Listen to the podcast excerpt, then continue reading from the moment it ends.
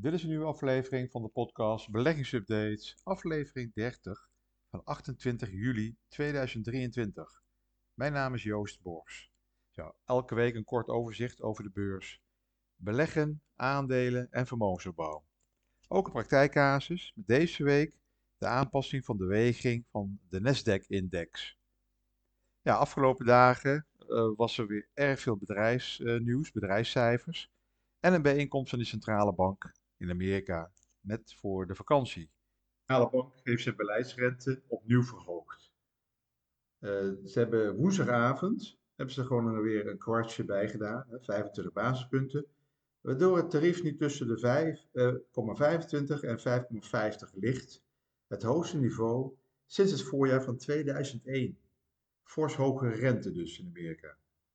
De centrale bank in Amerika houdt uh, ook de deur open voor verdere renteverhogingen. Tussen nu en de september, uh, septembervergadering, dus na de vakantie, krijgen we nog twee uh, arbeidsmarktrapporten. Dus heel veel macro-nieuws. Twee inflatiemetingen. En nog heel veel andere dus economische data. Waarop dus die centrale bank een besluit kan nemen nadat ze van vakantie terug zijn gekomen.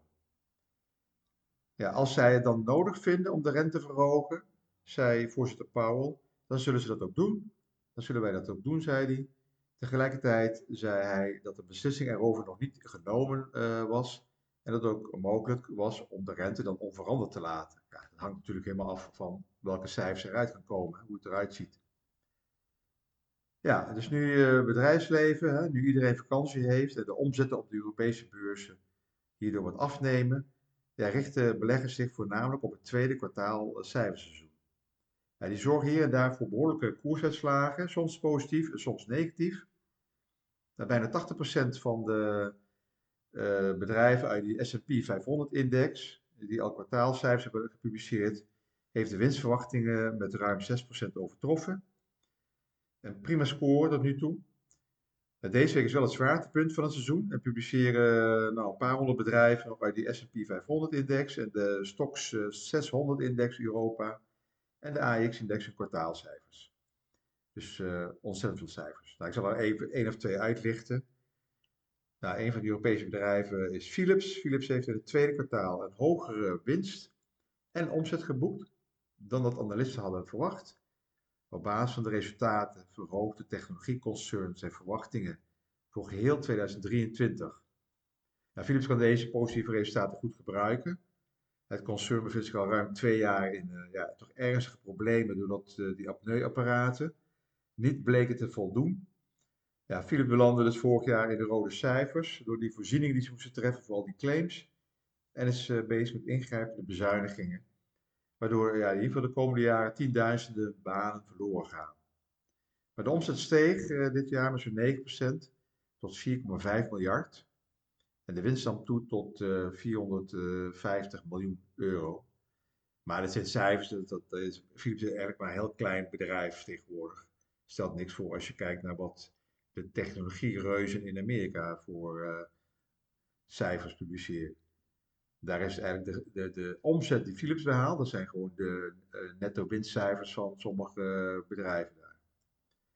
Maar ja, dus wat Philips wel moeite heeft, ze zeggen niks over die claims, ze zeggen niks over hoe het staat met die rechtszaken. En ja, dat is wat de beurs eigenlijk niet uh, zo goed trok. Dus die koers daalde uh, na het bekendmaken van de cijfers zo'n 6%. Nou, een ander bedrijf wat uh, wel positief reageerde, dat was Unilever. De omzet steeg met bijna 8% naar 15,7 miljard. Dat was met name te danken aan de hogere prijzen. Dus uh, Unilever verhoogt gewoon de prijzen, kan gewoon die prijzenverhogingen doorvoeren. die waren verantwoordelijk voor een omzetgroei van 8%, terwijl het volume en de omzet slechts steeg met 0,3%. Dus je ziet gewoon dat de, de verkoopcijfers eh, gelijk blijven of iets dalen. Maar door gewoon de prijs te verhogen, maken ze per saldo toch een goede omzet. Ja, dat, dat konden analisten wel uh, bekoren. Die hadden gereden op een omzet van zo'n 6 tot 7 procent in het tweede kwartaal. Nou, het werd dus 8. Nou, Unilever verwacht dat de prijs in de rest van het jaar minder hard zullen stijgen.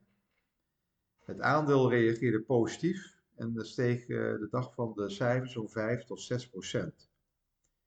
Nou, de verfabrikant AXO stelde ook eh, de verwachtingen voor geheel eh, dit jaar naar boven bij. Is ook eh, positief.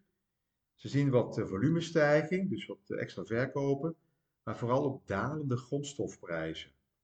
Nou, dit helpt om toch om beter resultaten te schrijven. Dat is ook iets waar de chemiesector op zit te wachten, zo'n DSM. Als die grondstofprijzen gaan dalen, dan is dat ook voor hun positief. Nou, in Amerika kwamen echt ontzettend veel bedrijfscijfers uit. Ook die hele grote jongens, bijvoorbeeld Google, hè, dat heet nu Alphabet. Ja, bedrijven lokken, dus de cijfers van Google, ze blijven gewoon, de consumenten blijven gewoon altijd naar de websites gaan met, van bedrijven met hun advertenties op Google. Daardoor presteerde het bedrijf, het moederbedrijf Alphabet boven de verwachting. Afgelopen kwartaal kwam de omzet van deze zoekgigant uit op bijna 75 miljard dollar. Een groei van 7% ten opzichte van vorig jaar. Dus kijk maar hoe klein Philips is in vergelijking met bedrijven als Alphabet. Met gewoon een hele simpele zoekmachine als Google. Maar ja, beleggers kunnen loon het bedrijf dinsdag met een koersstijging uh, van uh, zo'n 6%. Maar bijna 80% van Alphabets omzet komt voor rekening van advertenties. Ondanks de vrees voor economische neergang, de hoge inflatie, de recessieangst en de grote bezuinigingsoperatie die veel bedrijven doorvoeren, presteerde de advertentiedivisie de afgelopen drie maanden heel sterk. Het onderdeel boekte een omzet van 58 miljard. Het overgrote merendeel daarvan haalt Alphabet bij zoekmachine Google. Een bijzondere gebeurtenis deze week eh, gebeurt op de Nasdaq is de aanpassing van de index of vanwege, dat zal ik dan zo vertellen, hè, dus deze week wordt de weging van sommige aandelen die op eh, de Nasdaq genoteerd zijn aangepast. Dit doet men omdat een paar aandelen, dat zijn die zeven uh, grote technologiebedrijven, zeven, een paar aandelen de totale weging hebben van gezamenlijk meer dan 55%. Dus uh, zeven bedrijven hebben een weging gezamenlijk van meer dan 55%. Daarna komen er nog een paar honderd andere grote bedrijven, die gezamenlijk niet eens uh, richting de 50% komen. Ja, dus bedrijven zoals Apple, Amazon, Microsoft, Meta, Tesla, uh, Nvidia, zijn te bepalend voor de koersvorming en stemming bij deze index. Dat geeft geen goed beeld van de rest van de 95 andere bedrijven die bijvoorbeeld op de Nasdaq 100 genoteerd staan. Dat is een, uh, de subindex van de Nasdaq. De Nasdaq, wat is dat nou? De Nasdaq is oorspronkelijk een afkorting voor National Association of Securities Dealers Automated Quotation. Nou, heel lang woord, maar eigenlijk gewoon eh, de Vereniging van Automatische Prijsstelling van de Nationale Vereniging van Effecthandelaren. Dat, zijn dus, dat waren de eerste vereniging van uh, geautomatiseerde effecthandelaren, beeldscherm. Dus toen de Nasdaq op 8 februari 1971 de handel begon, was het de eerste elektronische beurs in de wereld. Het systeem van de Nasdaq maakt het mogelijk dat meerdere handelaren tegelijk gebruik maken van de communicatieinfrastructuur. Daardoor wordt de concurrentie bevorderd. Sinds 1999 is de Nasdaq de grootste aandelenbeurs van de Verenigde Staten, waar meer dan de helft van in het land verhandelde fondsen staan genoteerd. De Nasdaq bestaat uit de Capital Market, de Small Cap Market en de Global Market, de Mid Cap en de Global Select Market. Dat zijn de large caps. Met de Nasdaq werd ook de Nasdaq 100 index geïntroduceerd. De index van de 100 grootste bedrijven op de Nasdaq. Ook in deze index vindt u dus eh, vooral die aandelen van technologiebedrijven. Er zitten geen banken, geen financiële instellingen op deze Nasdaq-index. In de jaren 90 traden bedrijven als Microsoft en Intel toe. En de afgelopen jaren, afgelopen 20 jaar, volgden Alphabet, Amazon, Apple, Facebook, uh, nu Meta geheten en Tesla. Maar ook Starbucks en Pepsi-Cola zitten in de Nasdaq 100 toegetreden. Die index wordt eenmaal per jaar in december herzien, waarbij de week van de aandelen in worden aangepast. Dus die Nasdaq 100 bevat de 100 meest verhandelde aandelen op de Nasdaq-beurs. Dat is ongeveer zo'n 3000 op die Nasdaq-beurs. Maar de 100 grootste zitten in de Nasdaq 100-index. de koers van de Nasdaq 100 is altijd een gewogen gemiddelde van de 100 grootste bedrijven. Dit is dus iets anders dan de koers van die Nasdaq. die in de meeste media wordt genoemd. Die koers bevat namelijk alle aandelen die op de technologiebeurs zijn genoteerd. Dus er zitten vaak uh, bedrijven uit de sectoren ICT, biotechnologie en andere innovatieve bedrijfstakken. Nou, deze week is die weging van zeven bedrijven in deze index aangepast. Dat zijn dus die zeven: Alphabet, Apple, Amazon, Tesla, Nvidia, Meta en Microsoft.